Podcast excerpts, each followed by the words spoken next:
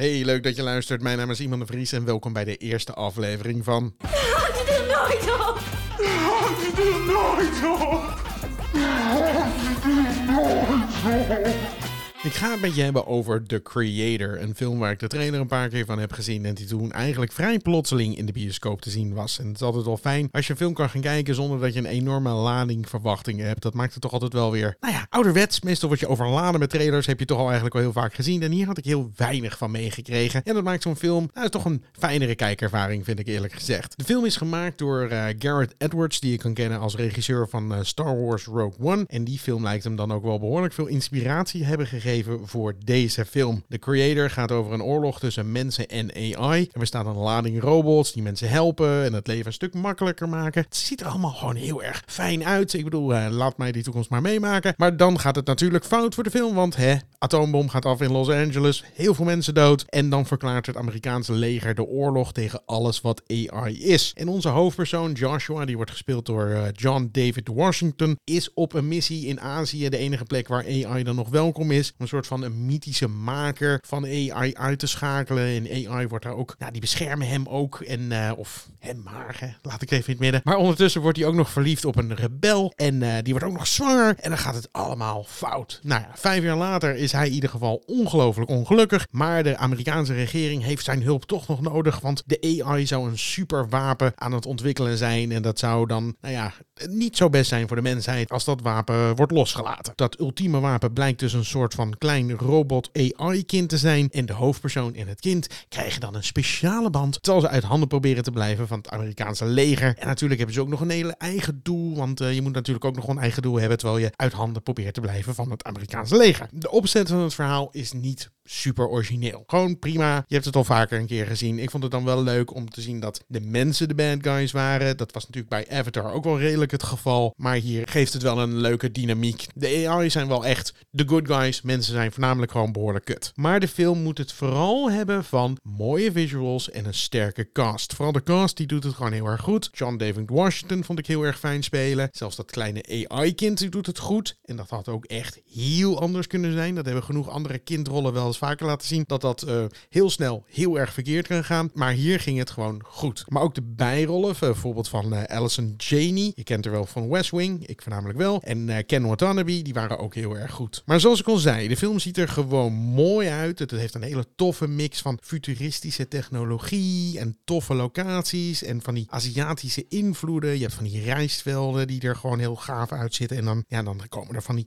van een soort halve ruimteschepen komen er overheen. Of tempels die dan toch ook wel een soort van technologisch, futuristisch tintje hebben. Dat werkt allemaal wel heel erg prettig bij deze film. En dat geeft ook hele mooie beeldjes. Maar toen deze film afgelopen was, dacht ik, de tering, deze film is echt alles behalve subtiel. Het begint rustig, het neemt heel even zijn tijd, maar dan vervalt het toch steeds meer in filmclichés en voorspelbare scènes. En dan lijkt echt elke emotionele cliché uit het boekje gebruikt te moeten worden. Want ze zijn vooral heel erg bang dat je denkt van, oh, het is nog niet emotioneel genoeg. En het wordt wel echt een beetje te veel op een gegeven moment. De film denkt ook wel dat hij een stuk intelligenter is dan dat hij daadwerkelijk is. En uiteindelijk gebeuren er namelijk gewoon heel veel dingen, gewoon omdat het script het wil en niet omdat het logisch is. Dat is soms van het toeval naar het andere toeval. En dan komt het allemaal maar net goed uit. En dat maakt het niet zo heel erg spannend. Het gevoel dat er een plan achter zit, zou toch echt wel veel beter zijn. En als het dan voor de tiende keer gebeurt, dan haalt het je wel behoorlijk uit de ervaring. Zeker als er dan weer een emotionele scène komt. En dat ze denken van, oh,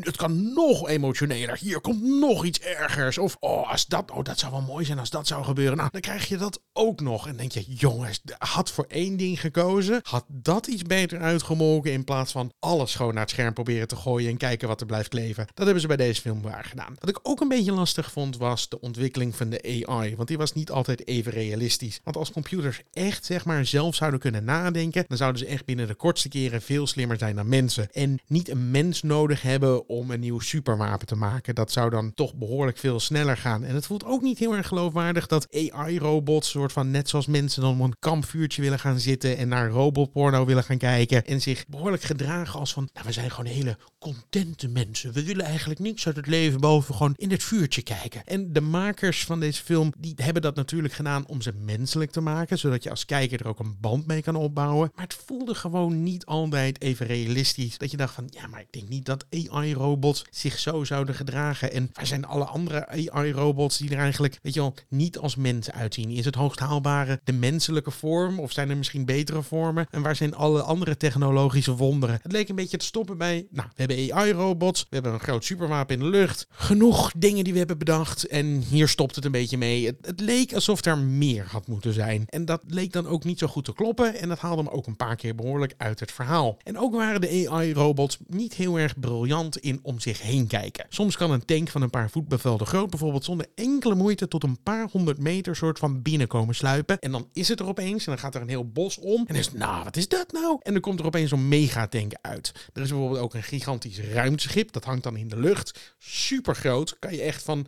kilometers ver kan je de ding aanzien komen. Maar opeens is het er dan gewoon een paar keer. En dat gebeurde zo vaak dat je denkt van, volgens mij zijn deze robots blind of kunnen ze het gewoon niet zien. Maar het was dan nodig voor het script dat het opeens, het was er opeens. En nu is het gevaarlijk. Die toevalligheden vlogen je gewoon constant om de oren. En het verhaal werd er ook wel een beetje dommer en dommer van. En voor een film met zoveel potentie vind ik dat wel heel erg jammer. Want sci-fi moet toch ook altijd wel gewoon intelligent zijn. En dit had een geweldige film kunnen worden. Maar uiteindelijk was het gewoon goed vermaak met een einde dat veel te lang doorging. En emotionele momenten die veel te uitgemolken werden. En dat is wel gewoon een beetje jammer. Over een paar weken ben ik hem denk ik gewoon weer vergeten. hey, er is niks mis mee. Het is gewoon een leuke, vermakelijke sci-fi film. Maar er had echt veel meer in gezeten. Oké, dat was hem dan. Lijkt het je een keer leuk om mee te doen met een review door, weet ik veel, audio in te sturen. Je kan ook tekst insturen. Eh, misschien wil je gewoon een keer meedoen met achter de microfoon. Laat het dan zeker even weten. Ik zal wel even de contactgegevens in de show notes zetten. Voor de rest natuurlijk bedankt voor het luisteren. Vergeet niet te abonneren en tot de volgende keer. Hoi.